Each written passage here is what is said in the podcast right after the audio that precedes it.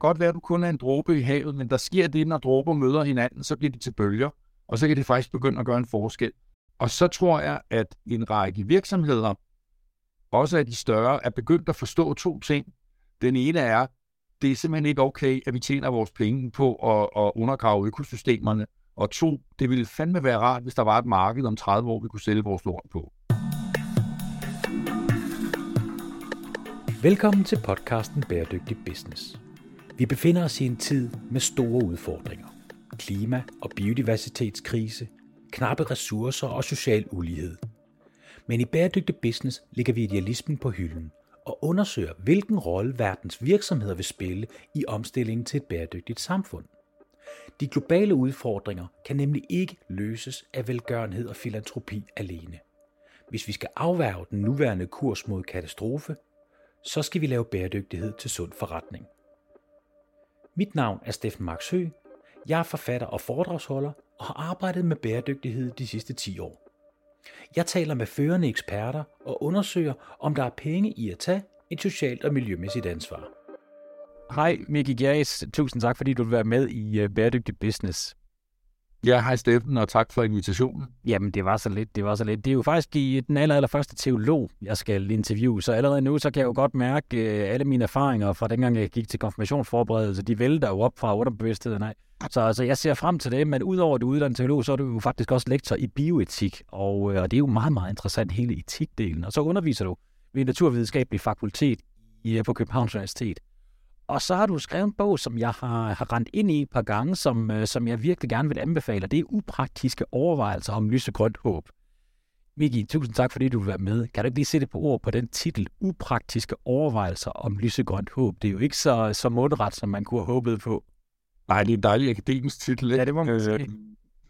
Jamen, det, den, den handler i virkeligheden om, hvordan man eksistentielt og mentalt kan prøve at ændre sin måde at opfatte sig selv og sin rolle i verden på, som en måde at finde håb i en håbløs tid på. Jeg ville faktisk have kaldt den håb i en håbløs tid, men det synes jeg, at var for trist. øhm, så, så den handler rigtig meget om det, for mig at se, jeg tror, i din verden kalder man det nok et mindset, som jeg mener, vi skal skifte over til, for at kunne begynde at handle på den viden, vi har i forhold til klima og biodiversitet. Hvorimod den ikke handler om, hvad skal du så konkret gøre? Fordi det er der folk, der ved langt mere om end mig, så det vil jeg meget lyde sådan. Men, men på den anden side tænkte jeg, at vi, vi har faktisk brug for, eller jeg havde i hvert fald selv brug for en bog, der hjalp mig til at finde ud af, hvordan, hvordan skal jeg forholde mig til det her? Hvordan kan jeg vide alt det, jeg gør, og så ikke bare lægge mig i fosterstilling og håbe på, at de voksne kommer? Fordi det måtte jeg jo så erkende, jeg er en af de voksne. Så. Ja, det, det må man jo erkende. Øh, men det er faktisk lige præcis derfor, at jeg synes, det er spændende at snakke med dig, fordi du er jo ikke den klassiske gæst her i Bæredygtig Business, men, men det her med, hvordan er det, vi får etableret et mindset, hvor vi kan se os selv som værende en del af den her løsning, fordi lige nu, så er der jo ingen tvivl om, at virksomhederne har, altså i højere grad betragter sig selv som en lukket enklave, hvor det er, at man i bund og grund kan købe materiale utrolig billigt, man står ikke rigtig for at skulle betalt for konsekvenserne af de, den påvirkning, man har på planeten. Altså det er i bund og grund bare et spørgsmål om at tjene penge og så passe på sine medarbejdere. Vi ved jo godt intellektuelt, at vi er en del af en større helhed, men, men hvordan begynder vi at operationalisere det her noget mere i vores, i vores verden? Altså hvordan ændrer vi vores mindset, så vi forstår, at vi faktisk er i gang med at ødelægge en planet? Og det, det lyder jo voldsomt, men det er vi jo reelt. Ja, så det er jo et tilfælde af ordet ecocide, som er sådan parallel til homicide, som de fleste kender fra amerikanske krimier, at det er, er ved at blive en ting inden for juraen, hvor man forsøger at se, om man ved folkeretten kan få et begreb om ecocide, altså mor på økosystemer, ind som en forbrydelse mod menneskeheden, fordi det jo truer os selv.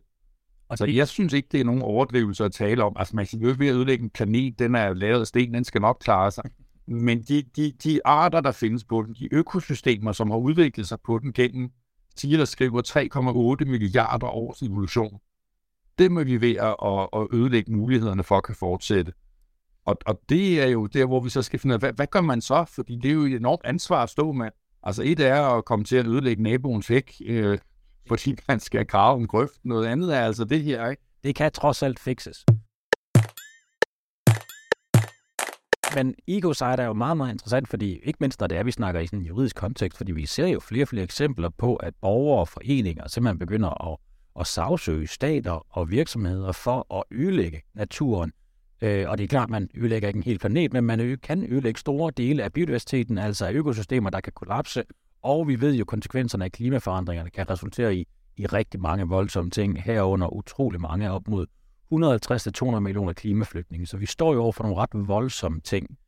Og, øh, og det er jo rigtig spændende at snakke med dig omkring det her, men hvordan kan man få det mere ind i sin praksis som leder, som virksomhed, så man kan se sig selv i en større helhed. Hvad tænker du om det? Altså det første er, at man er nødt til at opgive det, vi som regel kører med, når det er pengene, der bestemmer, og det er den laveste fællesnævner. Det vil sige, at vi mener ligesom, det er acceptabelt, hvis vi gør det en lille smule bedre end de andre.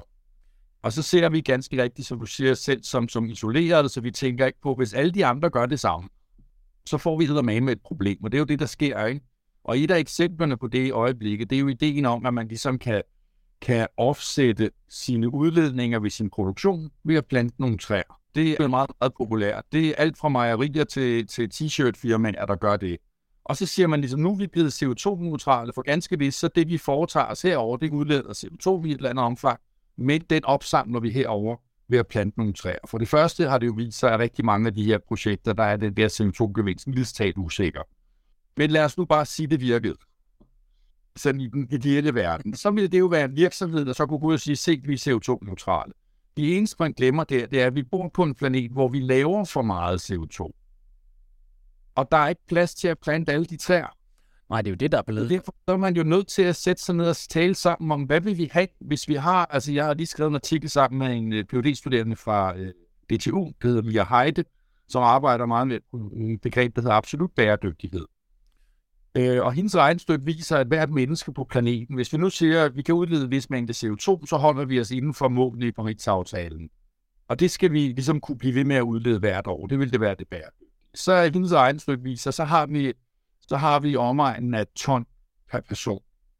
Ja, det er jo ikke meget. Nu nytter det ikke noget, jeg tager 3 tons og planter træer for at, at, at lave t-shirts, og en anden tager det, noget, og, og han laver et eller andet, hvad ved jeg, høretelefoner, det er 5 tons, og så har vi ikke noget sted at plante træerne, vi skal bruge til at lave hospitalsudstyr. Så vi er jo nødt til at prioritere den, det landareal, der er til rådighed og opsamle CO2 på ved hjælp af træplantning. Det kan den ikke, fordi ellers er, når det bare, hvem kommer først. Og der må jeg bare sige, at nu Arne er jo en af de virksomheder, der har gjort meget ud af det her. Der må jeg bare sige, at hvis jeg skulle vælge mellem hospitalsudstyr og mælk i kaffen, så ved jeg godt, øh, hvad jeg vil synes, hvad det svært. Ej, nu synes jeg, du gør det svært. Nu synes jeg, du gør det svært i den situation. men, men, men det er jo faktisk en rigtig fin pointe, det her med, at der er den mængde ressourcer, der er, og det skal vi jo finde ud af at fordele på en eller anden måde. Og der er ikke en universal fordelingsnøgle omkring de her ting. Det har jo været et, det er et ganske almindeligt spørgsmål om, kunne du skaffe det, kunne du lave det om til noget, folk gerne ville øh, købe, så kunne du sælge det. Øhm, noget af det, jeg synes, der kunne være rigtig interessant at vende med dig, det er jo det her begreb håb, som jeg ved, du har arbejdet rigtig meget med. Jeg fik en artikel sendt af min, øh, min gode kollega Bjarne, som, øh, som simpelthen holder sig ekstremt godt orienteret om, hvad der foregår ude i den store verden. Så det er jo altid rart, at man har nogle folk, der lige øh, sender en lidt information i nyerne af. Det var en artikel i Jyllandsposten, som drejede sig om, om unge mennesker. Og, øh, og særligt det faktum, at unge mennesker begynder i stigende grad at miste troen på, at vi rent faktisk kan løse de her store problemer. Og det er jo en kæmpe stor udfordring, hvis det er et håbet det begynder at slippe op.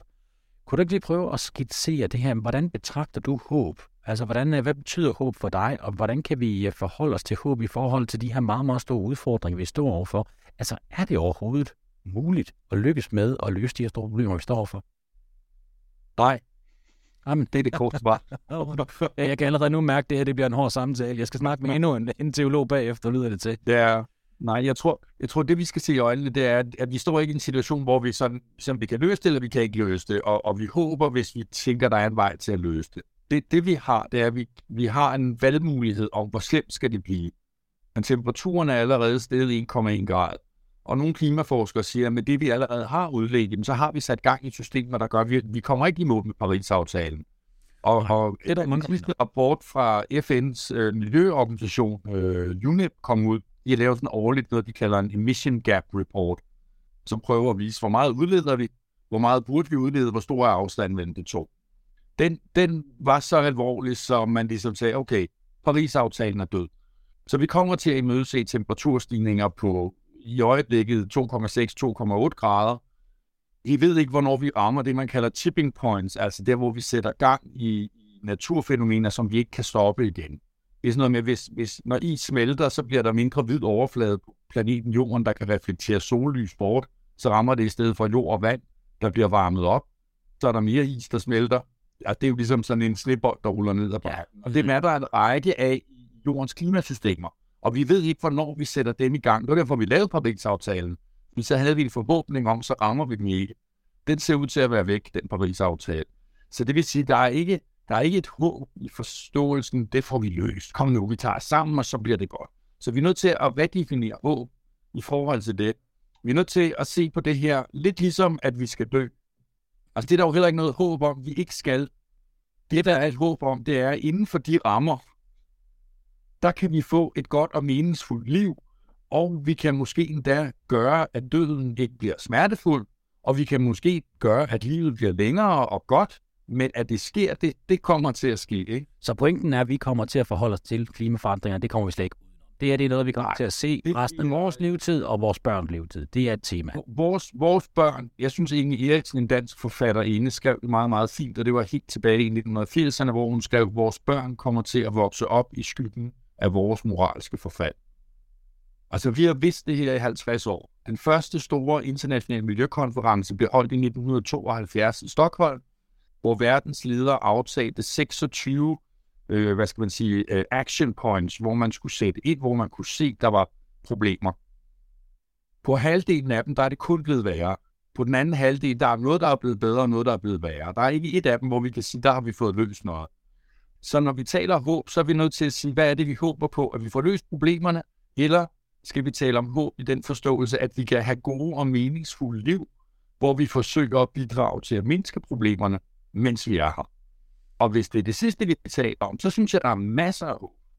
Ja, så er der rigtig Men det skal også det er en illusion. Ja, og det er meget, meget vigtigt lige at få, få cementeret med det samme, for man er ikke i tvivl om, hvad du mener.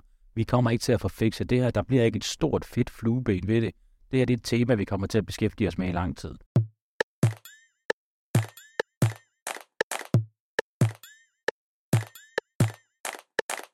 Hvordan bevarer vi håbet i den her proces? Fordi der er jo ingen tvivl om, der er jo kæmpe forskel, om vi får en temperaturstigning på 1,5, 1,6 eller 2,6 eller 3,6 grader.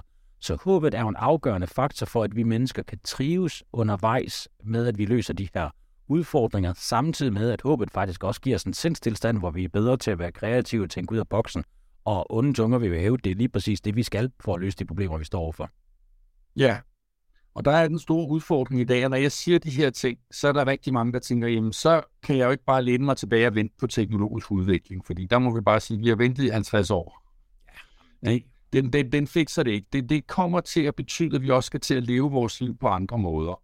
Og der er det store problem, at folk kan godt, det kan, alle kan jo se de her kurver, og kan jo godt forstå det inde i hjernen. Men vi har virkelig ikke lyst til det, fordi det vi så oplever, det er, så skal jeg jo opgive noget, så skal jeg jo ofre mig. Så mister jeg det gode liv, af hensyn til fremtidige generationer, isbjørn, hvad ved jeg, som er alt for fjernt og abstrakt til, at nogen kunne finde på at, at opgive noget for det. Og det er jo derfor, vi er nødt til at... Og det er, der, man kan, det er jo der, man kan sige, at teknologien er jo bare endnu mere vand på den samme mølle, der handler om, at vi kan blive ved med at forbruge og bruge, som vi altid har gjort, og så kommer teknologien og fikser det for os. Teknologien skal jo nok løse noget, men det bliver ikke bare sådan en ting, der kan fikse det. Nej, altså man kan tale om, at, at teknologi er et redskab, og det er ligesom rigtig mange andre redskaber. De kan være rigtig nyttige, og vi kan finde på fantastiske ting, og det er dejligt, at lade os endelig gøre det, og stor respekt til alle dem, der gør det. Men det er ikke en problemknuser. Vi kommer ikke udenom adfærdsændringer. Og når vi så oplever de adfærdsændringer som et offer af det gode liv, som i vores kultur desværre rimelig entydigt i den kollektive fortælling er blevet en fortælling om materialisme, ja, så står vi jo i en situation, hvor vi ikke har lyst til det. Og så er der ikke noget håb, så, ja, så er en mulighed, at jeg kan begynde at leve et surt og bittert liv i afsavn. Ikke? Og, eller også så kan jeg lukke øjnene, fordi jeg godt ved, og så bare fortsætte, som jeg gjorde i går. Og derfor tror jeg, at der, hvor vi skal have fat for at få motiveret folk til at handle, det er, at vi skal vise dem, at der er faktisk muligheder i at leve på en anden måde. Det er ikke et offer. Selvfølgelig vil det blive oplevet sådan af nogen. Og især os, der er blevet lidt ældre, som sidder godt fast i vores vaner. Ikke? Det er ligesom en fod i en gammel sutsko, det her. Ikke? Øhm, men at det faktisk er en mulighed, at det ikke at spise kød. Lad os nu bare tage elefanten ved hornen, eller hvad det nu er, man tager. Jeg ved det nok ikke. Men, men at sige, det er jo en af de ting, vi ved. Altså, det er en af de ting, du som privatperson kan gøre enkelt i dit liv, i et liv som Danmark, som har den største effekt på dine personlige udledninger. Det er at reducere mængden animalske produkter i din kost, jo mere, jo bedre. Det er, det er meget let i Danmark. Du kan, jeg rejser rundt i hele Danmark og holder foredrag. Jeg har netop været i Vojens og blev fanget to timer på Vojens station, fordi bussen var forsinket til Løgum Kloster. Det lykkedes mig kl. 18.06 i Vojens at finde et vegansk måltid mad. Og det er da alligevel imponerende. Det, det er ikke svært længere, vel? Det kan vi gøre, men hvis vi oplever det som et offer, så bliver det jo, ah, ikke, de gider at ikke fucking kikærter, og undskyld, man skal ikke bande, men altså, men hvis vi nu så det som en mulighed, hvis vi nu faktisk så det som en, gud, det kan man også spise, det smager sgu godt, kan man også gøre det. Hvis vi kan få ændret mindsetet, så vi oplever det, vi skal, den måde, vi skal til at leve på, som en mulighed, i stedet for som et offer. Og så er der et håb om, vi kan opleve det som et godt liv, Pointen det er jo i høj grad det her med, at vi ikke har noget at stræbe imod, som vi tror, der er positivt. Vi tror, at det der med at skulle til at leve bæredygtigt, det bliver en rigtig øvelig og træls oplevelse. At tværtimod skal vi stræbe efter noget positivt. Men, men det har vi jo vidst i lang tid. Det ændrer ikke på, at vi bliver ved med at trives rundt i de samme ting. Altså, hvad, hvad er så grunden til, at øh, altså, vi kan jo godt forestille os, vi ved jo godt, at det her med, at et vegansk måltid faktisk er sundere for os, vi ved godt, det er bedre for klimaet. Jamen er det vildt, og jeg vil sige, at der er mange, der oplever, inklusive undertegnet, at at man smager noget vegansk mad, smager det fantastisk, men alligevel så flytter det mig ikke. Altså, hvad er det, der skal til for at skubbe det sidste? Jamen, jeg tror, at nu bliver det her øh, meget, øh, meget øh, hedder sådan noget langhåret, siger den korthårede mand. Det handler om kærlighed til, til dit liv, og det handler om kærlighed til livet og til den planet, du er på. Det handler om at forstå, at vi mennesker er ikke placeret et sted, som nogle ganske særlige væsener, der har en særlig betydning, og så alt det andet, det er en slags ressourcer, som så kan give os til at udnytte mere eller mindre effektivt og mere eller mindre bæredygtigt.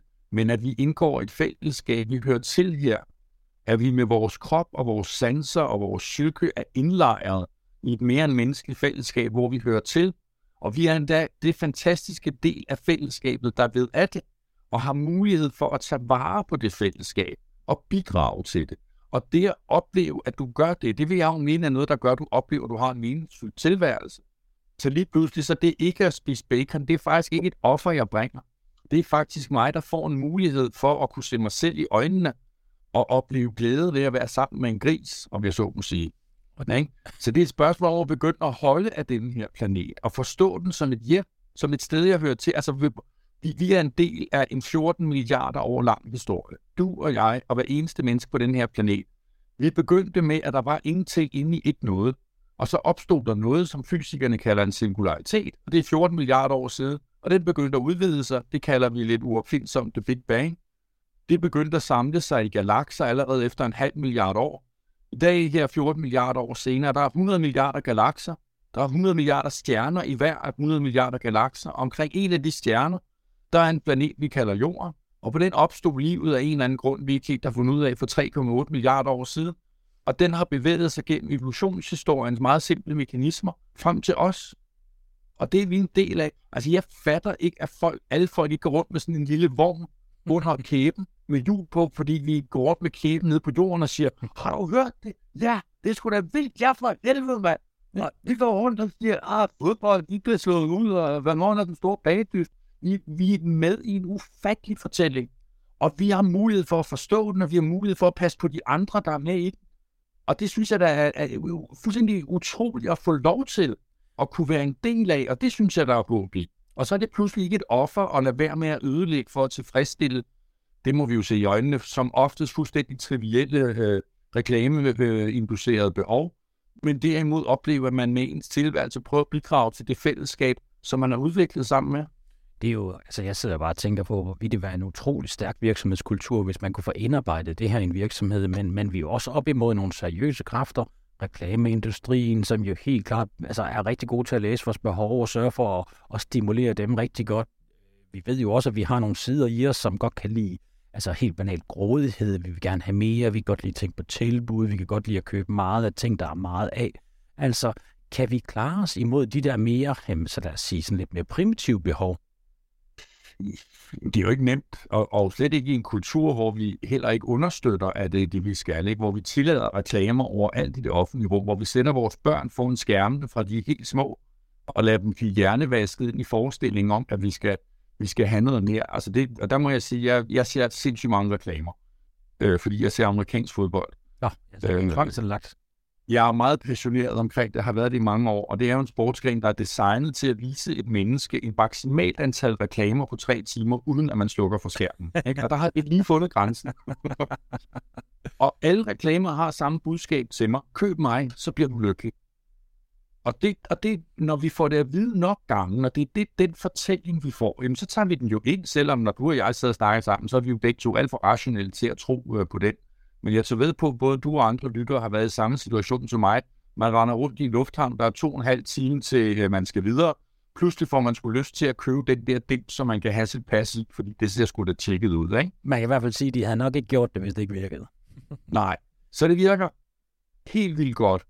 Og, og det vi kan gøre der, det er jo at skride imod som individer, hvor vi kan, vi kan ændre os selv. Og det er en pointe, der ligger i noget, der hedder dybsetikken, som går helt tilbage til Aristoteles, men som handler om, at det vi gør, det bliver til dem, vi er.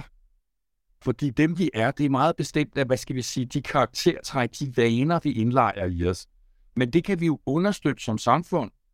Det er jo fantastisk, det må jeg sige, at, og det er der, hvor jeg synes, reklameindustrien og øh, kapitalismen sammen har formået noget helt utroligt. Det er at få bildt mennesker ind, at lykken ligger i at anskaffe det næste forbrugsgode. Ja. Men samtidig så det sidste, der måske, det er, at du bliver lykkelig ved at købe det næste forbrugsgode.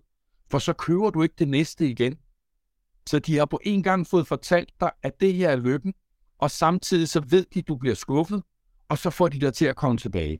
Men det er jo fantastisk at tænke på, ikke? Altså, hvis vi bare tager noget så konkret som modeindustrien, altså at de kan fortælle dig, måned efter måned, at du skal købe nyt tøj, fordi den, altså den perfekte farve, du købte, købte i sidste måned, den er ikke længere ind. Nu skal du have en ny farve. Altså det i sig selv er jo mærkværdigt, men det viser jo bare, hvordan vi også er primitive vores hjerner. Det har taget utrolig lang tid at udvikle dem til de fine, flotte hjerner, de er lige nu, men de er jo ikke perfekte. Det kan man vist roligt sige. Nej, og, men når vi tager, der ikke har en kultur, der understøtter mådehold, som gør, at hvis jeg ville købe noget nyt, så skulle jeg faktisk betale det, det koster, også miljøpåvirkning. Altså man havde synliggjort det, man kalder økonomer kalder eksternaliteterne i prisen. Så bliver det jo enormt nemt for mig. Det er klart. Det. Samtidig har jeg en kultur, der understøtter den, at jeg tænder for tv, så er der hele tiden programmer med rige mennesker, der har købt noget nyt. Og jeg tænker, sådan vil jeg også have det, ikke? Og selvfølgelig tænker jeg ikke sådan. Hvis nogen spørger mig, hvad er det gode liv, i, så er det jo så, så er det, det kærlig. kærlighed og natur og tryghed. Og, og, og, men, men det er ikke det, jeg hele tiden får at vide, og så begynder jeg at leve efter det. Og derfor er altså det, det vigtigste, vi kan gøre lige nu, det er politisk, at vi kan kæmpe, og her mener jeg i bred forstand, det er, at man kan tage sit ansvar på borger, som borger på sig, og gå ud og prøve at ændre den retning, det her samfund bevæger sig i. Og det kan være alt fra at stille op til Folketinget til at strikke karklud til en julebazar. Det må man skulle selv finde ud af, hvor ens evner er og der er sådan en million ting imellem. Og, og jeg er jo også nået dertil, hvor jeg tænker, at civil ulydighed er faktisk også på sin plads, så hvis man har lyst til at lime sig fast på Akselborg, så skal man også gerne gøre det for min skyld. Det er nemt. Det skal ikke være det. Nej, og det, og det, det er sjovt, fordi det tror jeg, vi kommer til at se meget mere. Vi ser det jo også med, med kunstmalerier nu, ikke, hvor det er, at folk de kaster alle mulige ting på dem, simpelthen for at få noget opmærksomhed omkring den her agenda, og det har vi slet, slet, slet ikke set toppen af nu. Men, men hvis du nu skulle forestille dig, at du står med, med en direktør i en stor virksomhed et eller andet sted. Nu ved jeg godt, det bliver sgu så jordnært, når man trækker det ned på den her måde. Men forestil dig, at du står og taler med den her direktør, og han siger, ved du hvad, Vicky, de gør jo ingen forskel. Jeg har en lille virksomhed, jeg har 70 ansatte. Hvorfor skal jeg gøre noget? Hvad vil du sige ja. til sagen som om? Så vil jeg sige til ham, at, at der, der er to grunde til det. Og den vigtigste er, at du er kun en dråbe i havet. Men du er netop den dråbe. Og det du gør, bestemmer, hvem du er. Den du er, den du bliver til gennem dine handlinger, det er dit svar på den tilværelse, der nogle gange er din.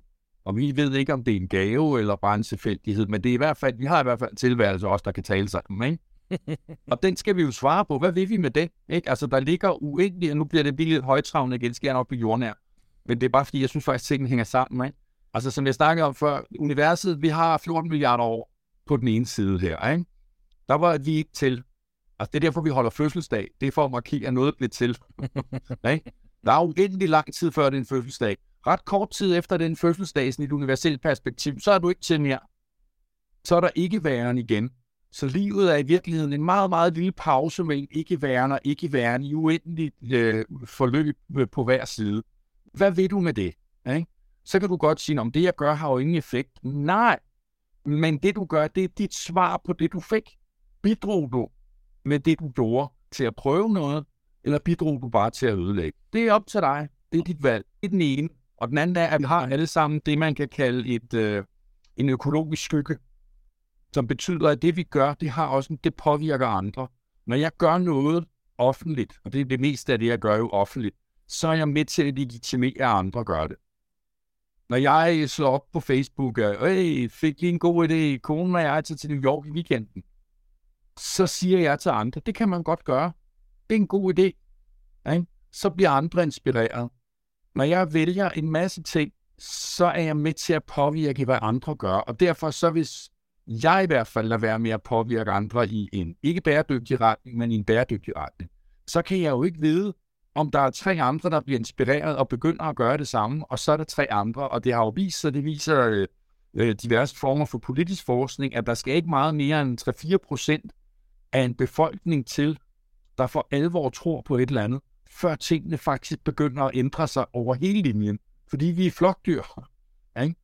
Så på den måde, så kan det godt være, at du kun er en dråbe i havet, men der sker det, når dråber møder hinanden, så bliver de til bølger, og så kan det faktisk begynde at gøre en forskel. Så der er både en intern årsag til, at du skal handle. Hvad fanden for et menneske vil du egentlig være? Og så er der en, det kunne faktisk godt have en effekt. Du er ikke så lille, som du tror. Altså Greta Thunberg gik i 9. klasse og satte sig for den svenske rigsdag med et papskilt. Så kan man være enig eller uenig i det, hun har sagt, og har hun nogle løsninger, alt det her. Hun var en dråbe i havet. Det er hun ikke mere. Hun er en bølge.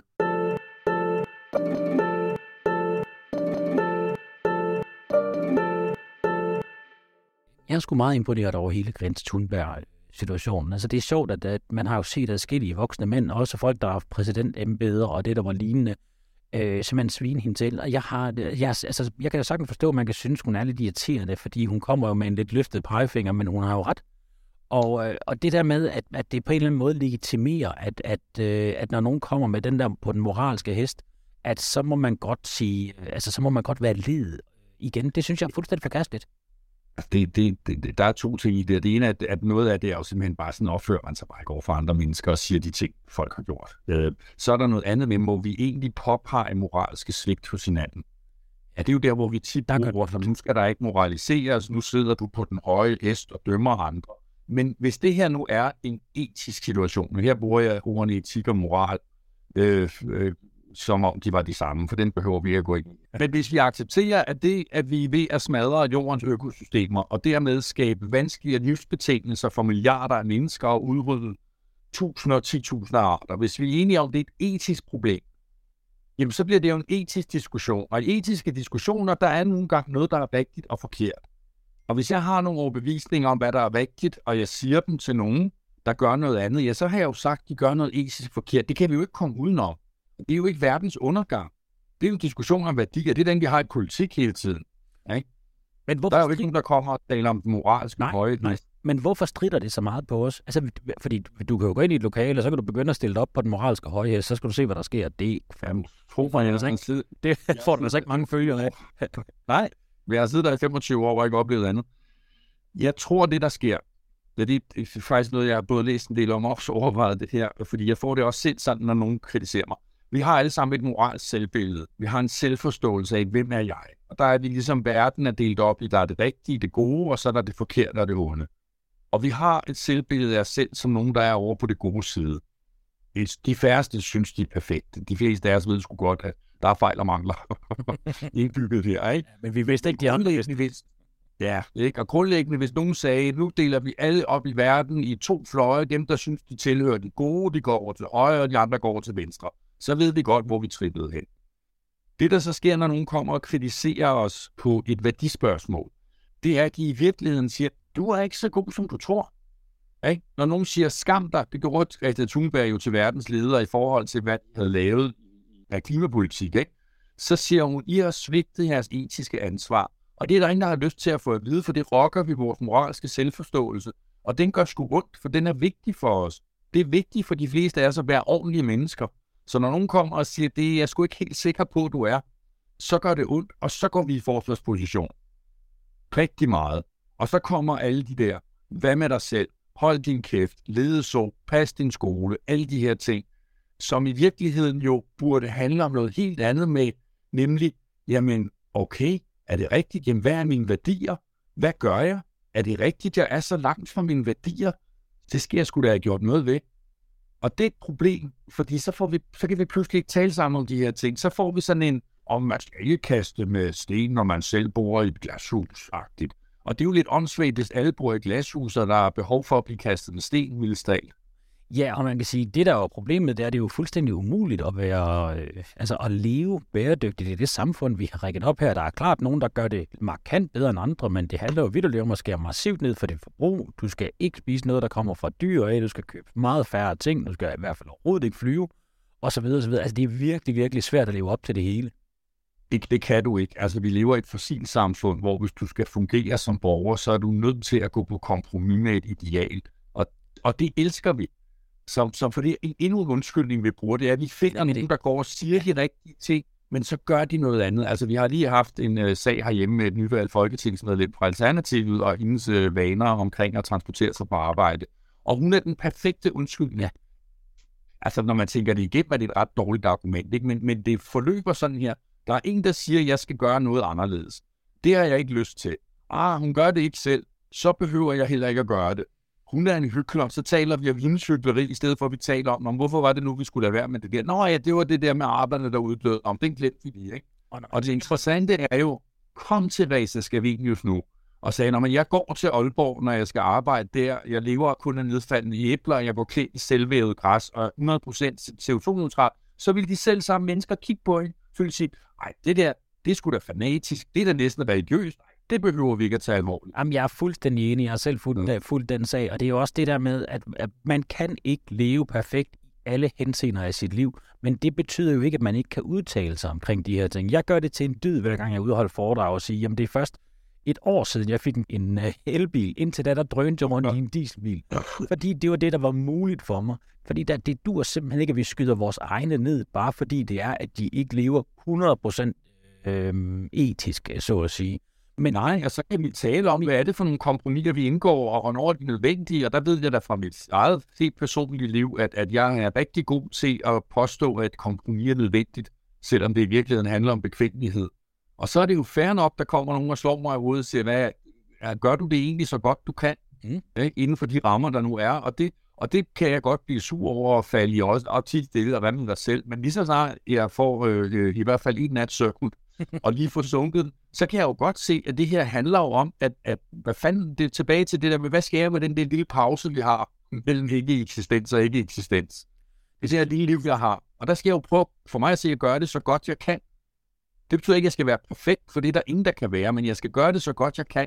Og det synes jeg sgu godt, man kan bede folk om. Altså. Øhm. Jamen, jeg er meget enig, og jeg synes, det er rigtig interessant, den der måde, eller meget inspirerende, den måde, du fortæller om det på. Altså, det, Altså, det er det lille bitte liv, vi har. Det er jo i bund og grund alt den anden tid ved siden af livet, og før livet og efter livet. Altså, der er meget mere af det, så altså, det er jo et meget, meget kort tid, vi reelt er her. Hvad tænker du omkring sådan etik i forhold til formidling af, af de her udfordringer, vi står overfor? Jeg ved, du selv holder rigtig mange foredrag, og du underviser også på Københavns Fakultet. Der er mange unge mennesker, der sidder og kigger på dig. Og du fortæller om de her ting, du fortæller om de her katastrofer, vi kigger ned af, dyr, der forsvinder, altså dyrearter, der, der kollapser økosystemer, og det ene og det andet, klimaforandringer, klimaflygtning. Altså, det er nogle voldsomme ting. Og der er altså også sarte sjæle derude, som jo reelt kan komme til at opleve jamen, både klimaangst og klimadepression. Grunden til at spørge er faktisk, fordi jeg selv er rigtig meget i tvivl. Jeg holder også mange foredrag, jeg synes, det er svært at formidle kompleks, ikke kompleksiteten, men at formidle de her katastrofer, vi potentielt står overfor, samtidig med, at man har brug for ikke at selvfølgelig at gøre det og ødelægge mennesker, når de sidder og hører på det og gør dem unødvendigt bange, men man har simpelthen også brug for, at de lidt af rørene forstår, at det her det er alvorligt. Hvad er dit take på det?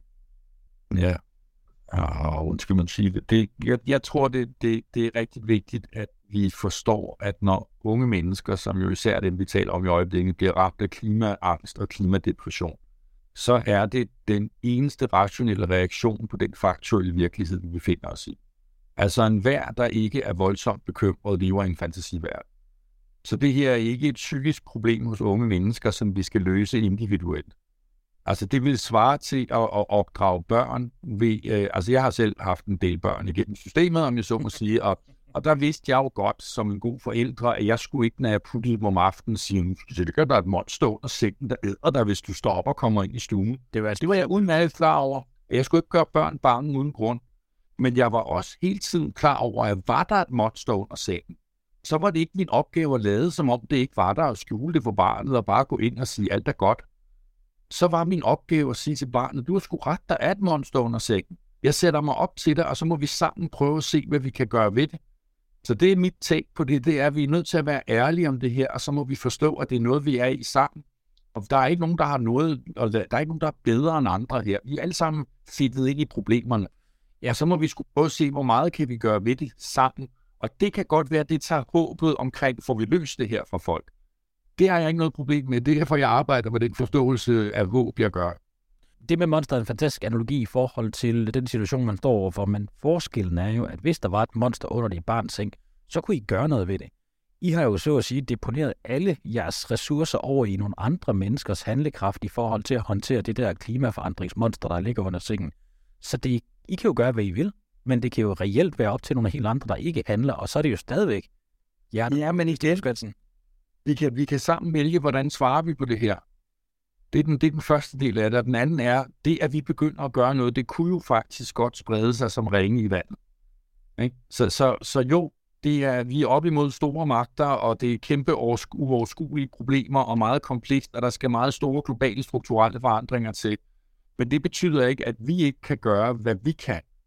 Og det kræver, at vi tænker det igennem, og det er jo alt afhængigt af, om man sidder med barnet, eller der er et monster under sengen, eller man er virksomhedsleder, eller hvor man nu er.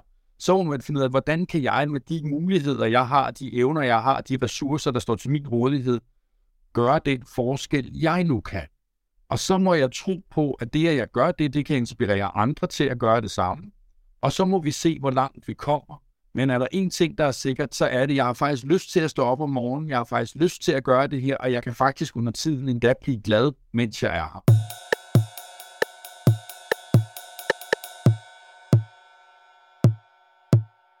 Og jeg er på ingen måde uenig med dig, men spørgsmålet er bare, hvem er det hurtigst, der kommer til de bedste resultater? Fordi vi har travlt, og vi har brug for at få lavet forandringer, og dermed det, det jeg kalder resultater. Hvem kommer hurtigst dertil? Er det de øh, klimaaktivistiske, der er klar til at gå fuldstændig på kompromis med alt det, som vi kender, eller er det de pragmatiske, realistiske øh, købmænd, som går ud stille og roligt og ændrer verden øh, i gradvist? Du kan godt høre, hvilken retning jeg taler til. Det er ikke nødvendigvis, fordi jeg siger, at det er erhvervslivet, der kommer til at gøre det.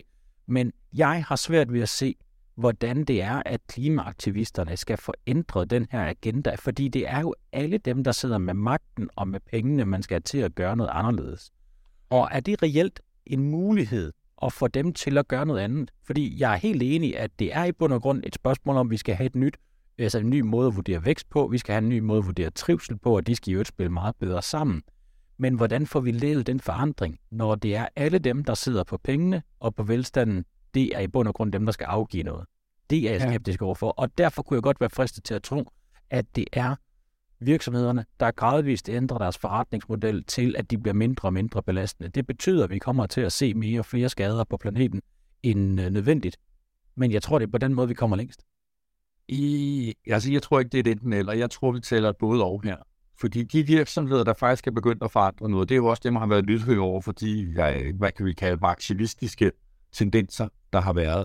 Jeg tror, jeg underviser selv øh, dyrlægestuderende ja. i dyreetik. Og der er mange af dem, de skal ud og arbejde i den animalske produktion. Og som du måske har kunne fornemme, så er, jeg synes jeg sådan set, at animalsk produktion er en rigtig dårlig idé. Ikke? Ja, det er du ikke. Og der har jeg snakket, der har jeg snakket med nogle af dem øh, i pauserne, hvor de kommer hen og siger, hvad, hvad, hvordan skal, hvordan, fordi jeg sådan set, jeg synes ikke, jeg synes ikke, vi, jeg synes, vi have det dø ordentligt, og det gør vi jo ikke i svineindustrien. Så hvorfor skal jeg gå ud i den og arbejde? Så har jeg sagt, at hvis du har den indstilling, at dyr skal behandles ordentligt, så er det jo enormt vigtigt, at du er i svineindustrien. Fordi så kan du gå ud og dreje på nogle små knapper, og hele tiden sørge for, at tingene bliver lidt bedre. Det er det der erhvervsliv, du taler om, der laver de små gradvise forhindringer. Men jeg tror også, der er brug for, at der står nogen udenfor og råber nej. Og der har vi simpelthen forskellige temperamenter. Jeg er, jeg er typen, der skal have en papkasse, så står og nej. Det er det, jeg kan finde ud af. Jeg har, jeg har ikke tålmodighed, jeg har ikke sjælestyrke til hele tiden at opleve, at jeg skal på kompromis med mine værdier. Det er der nogen, der har. Jeg har enorm beundring for dem. De mennesker, der går ind i politik, som gør det her i et idealistisk hjerte. Jeg, jeg, jeg er så fuld af beundring for, at de det. Jeg vil, jeg vil, jeg vil skulle til psykolog efter to dage. Ikke? Så jeg tror, det har brug for begge dele. Vi har brug for, at nogen skubber på radikalt, tør, tør drømme, vildt, tør smide store visioner om og så har vi behov for, at der er nogen, der siger, ja, men det er meget godt, men nu skal I se, i dag, der kan vi i hvert fald dreje på de her tre knapper. Og så står de her og råber, det er kraftdejligt med ikke godt nok. Nej, nej, men i morgen drejer vi på de her tre, det er stadigvæk ikke godt nok. Og de må finde sig i, der bliver råbt af dem, der er ikke godt nok. Det er et utaknemmeligt job at have. Men det er altså også vigtigt, at der står nogen derude hele tiden og skubber på, og tør gøre det. Og det, der skal man jo også være udsat for kritik. Ja, det er fordi, der er nogle nemme steder her, hvor man kan gå ind og sige, så, så gør jeg sådan her, så bliver alle glade, og jeg bliver verdensborger nummer et eller sådan noget. Vi får alle sammen tæsk. Vi må bare finde af øh, igen, jeg skal gøre det bedste, jeg kan. Hvad er det? Hvad egner jeg mig bedst til? Hvordan kan jeg bedst bidrage til at vinde den her enorme skude, der er på vej et helt forkert sted hen? Og så må man gøre det, og så må man tage de test, der kommer, og så vil man jo også opleve, at man også møder nogen, der er enige med, og oplever fællesskaber og varme.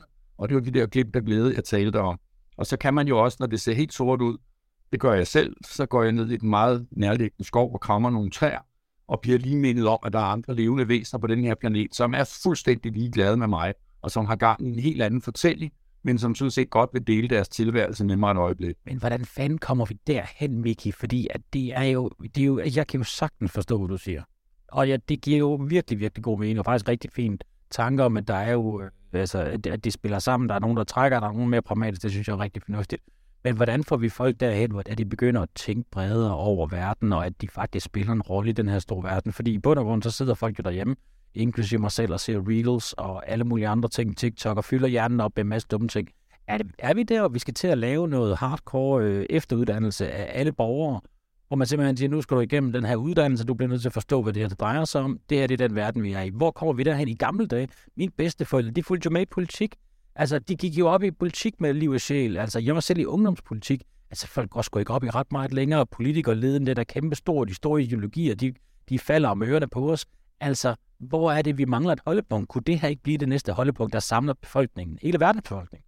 Altså, hvis jeg nu vidste det, så skriver jeg bare den næste bog. Det var nemt nok.